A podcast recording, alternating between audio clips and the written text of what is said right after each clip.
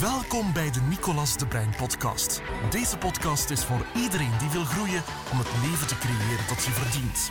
Hij zal concrete inzichten, methodes en mindshifts delen over onderwerpen als ondernemerschap, motivatie, succes, meer inkomen verdienen en hoe je een betere versie van jezelf kunt zijn. Nicolas is een serial entrepreneur, oprichter van Nicolas de Bruin Business Academy, vastgoedinvesteerder, deelnemer van de Sky is the Limit TV-show en vooral liefhebbende vader en echtgenoot. Back-office, facturen, zorgen dat facturen betaald worden. Hè? Zorg dat uw facturen betaald worden. Een hele belangrijke. Zorg dat je daar een proces voor ontwikkelt. Een proces, ik ga, daar, ik ga daar nu dieper op ingaan. Uw facturen betaal, daar moet je achtergaan.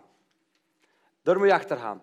Wat er heel veel gebeurt, is bij de kleine ondernemer, waar ik nog altijd toe behoor, want je bent middelmatig, dat moet je echt al veel, veel hebben op verschillende... Je moet een passiva hebben, daar zitten we wel over van boven de 8 miljoen. Hè, ons balans is groter dan dat. Maar ik denk, je moet 100 mensen hebben in dienst of zoiets. En uh, het was nog iets.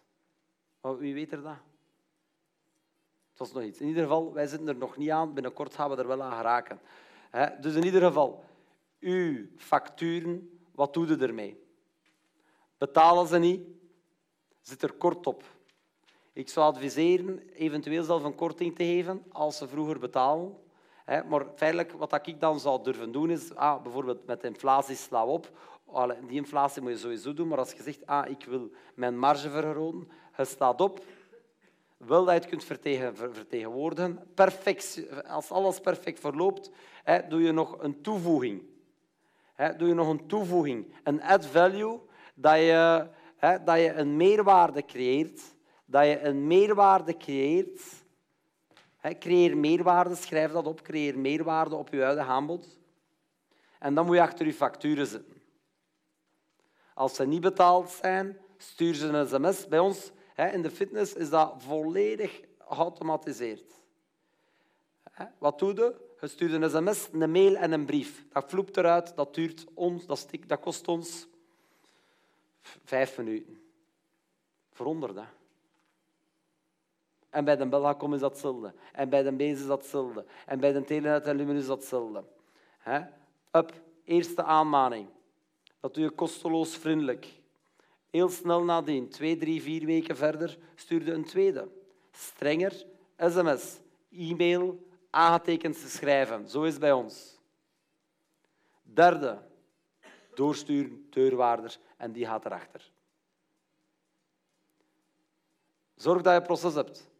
Als de bedragen groter zijn, hè, want bijvoorbeeld voor een telefoon 50 euro kun je niet beginnen bellen een uur voor te vragen, eens, ik wil die factuur betalen, ah, en ik zal het een bespreken, hè, zit er dan een uur aan bezig voor 50 euro op verlies. Als je, hè, bij de tweede rekent al kosten bij. Een keer aangetekend, reken de kosten bij.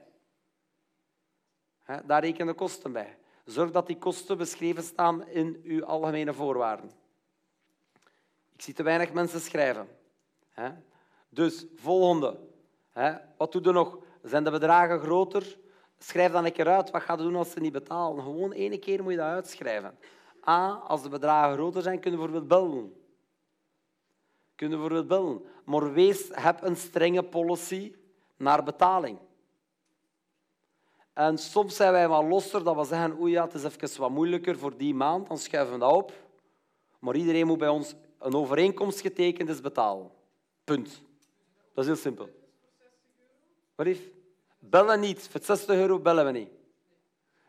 Dus de eerste maand zitten ze achter in de fitness. De tweede maand krijgen ze een brief en een sms. En dat kost niks. Bijna. Je, dan, je kunt dus een fish kopen voor sms'jes te sturen. Steek er een simkaart in van 10 euro per maand. En je kunt uh, ik weet niet hoeveel sms'en versturen.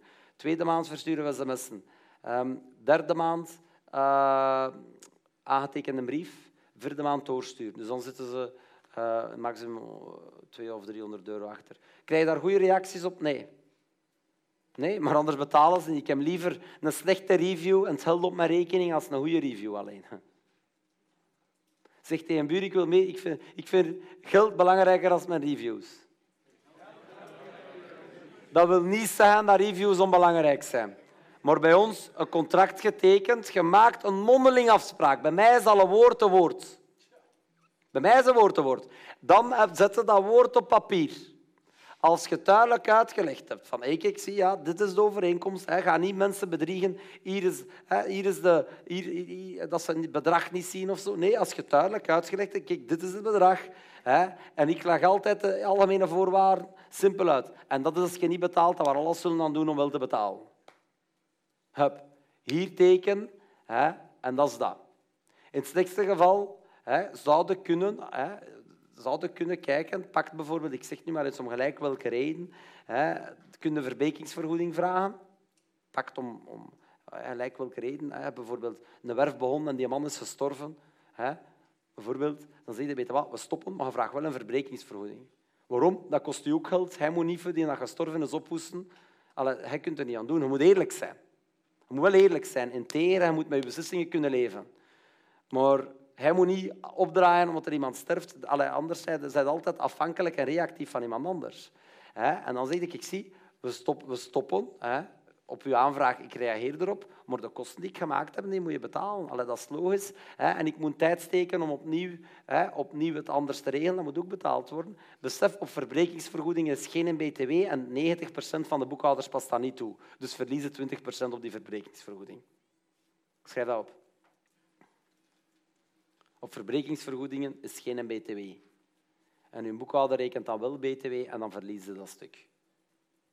Zorg dat achter uw facturen zit. Wie heeft er te veel openstaande facturen? Dat is omdat je te laks bent.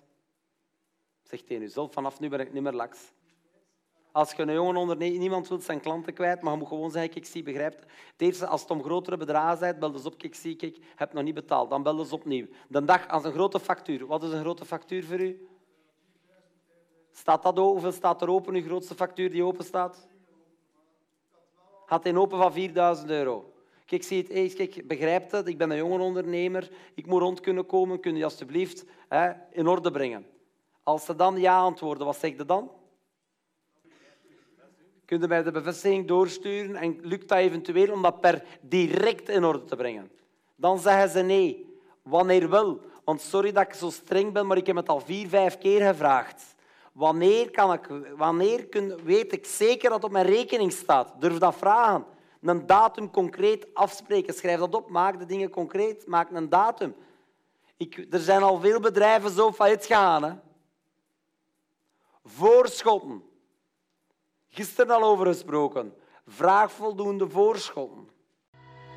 Bedankt voor het luisteren naar de Nicolas de Bruin podcast. Voor meer informatie, business tips, gratis trainingen en om meer te weten te komen over onze komende evenementen, bezoek www.ndba.be en volg Nicolas op Facebook, YouTube en Instagram.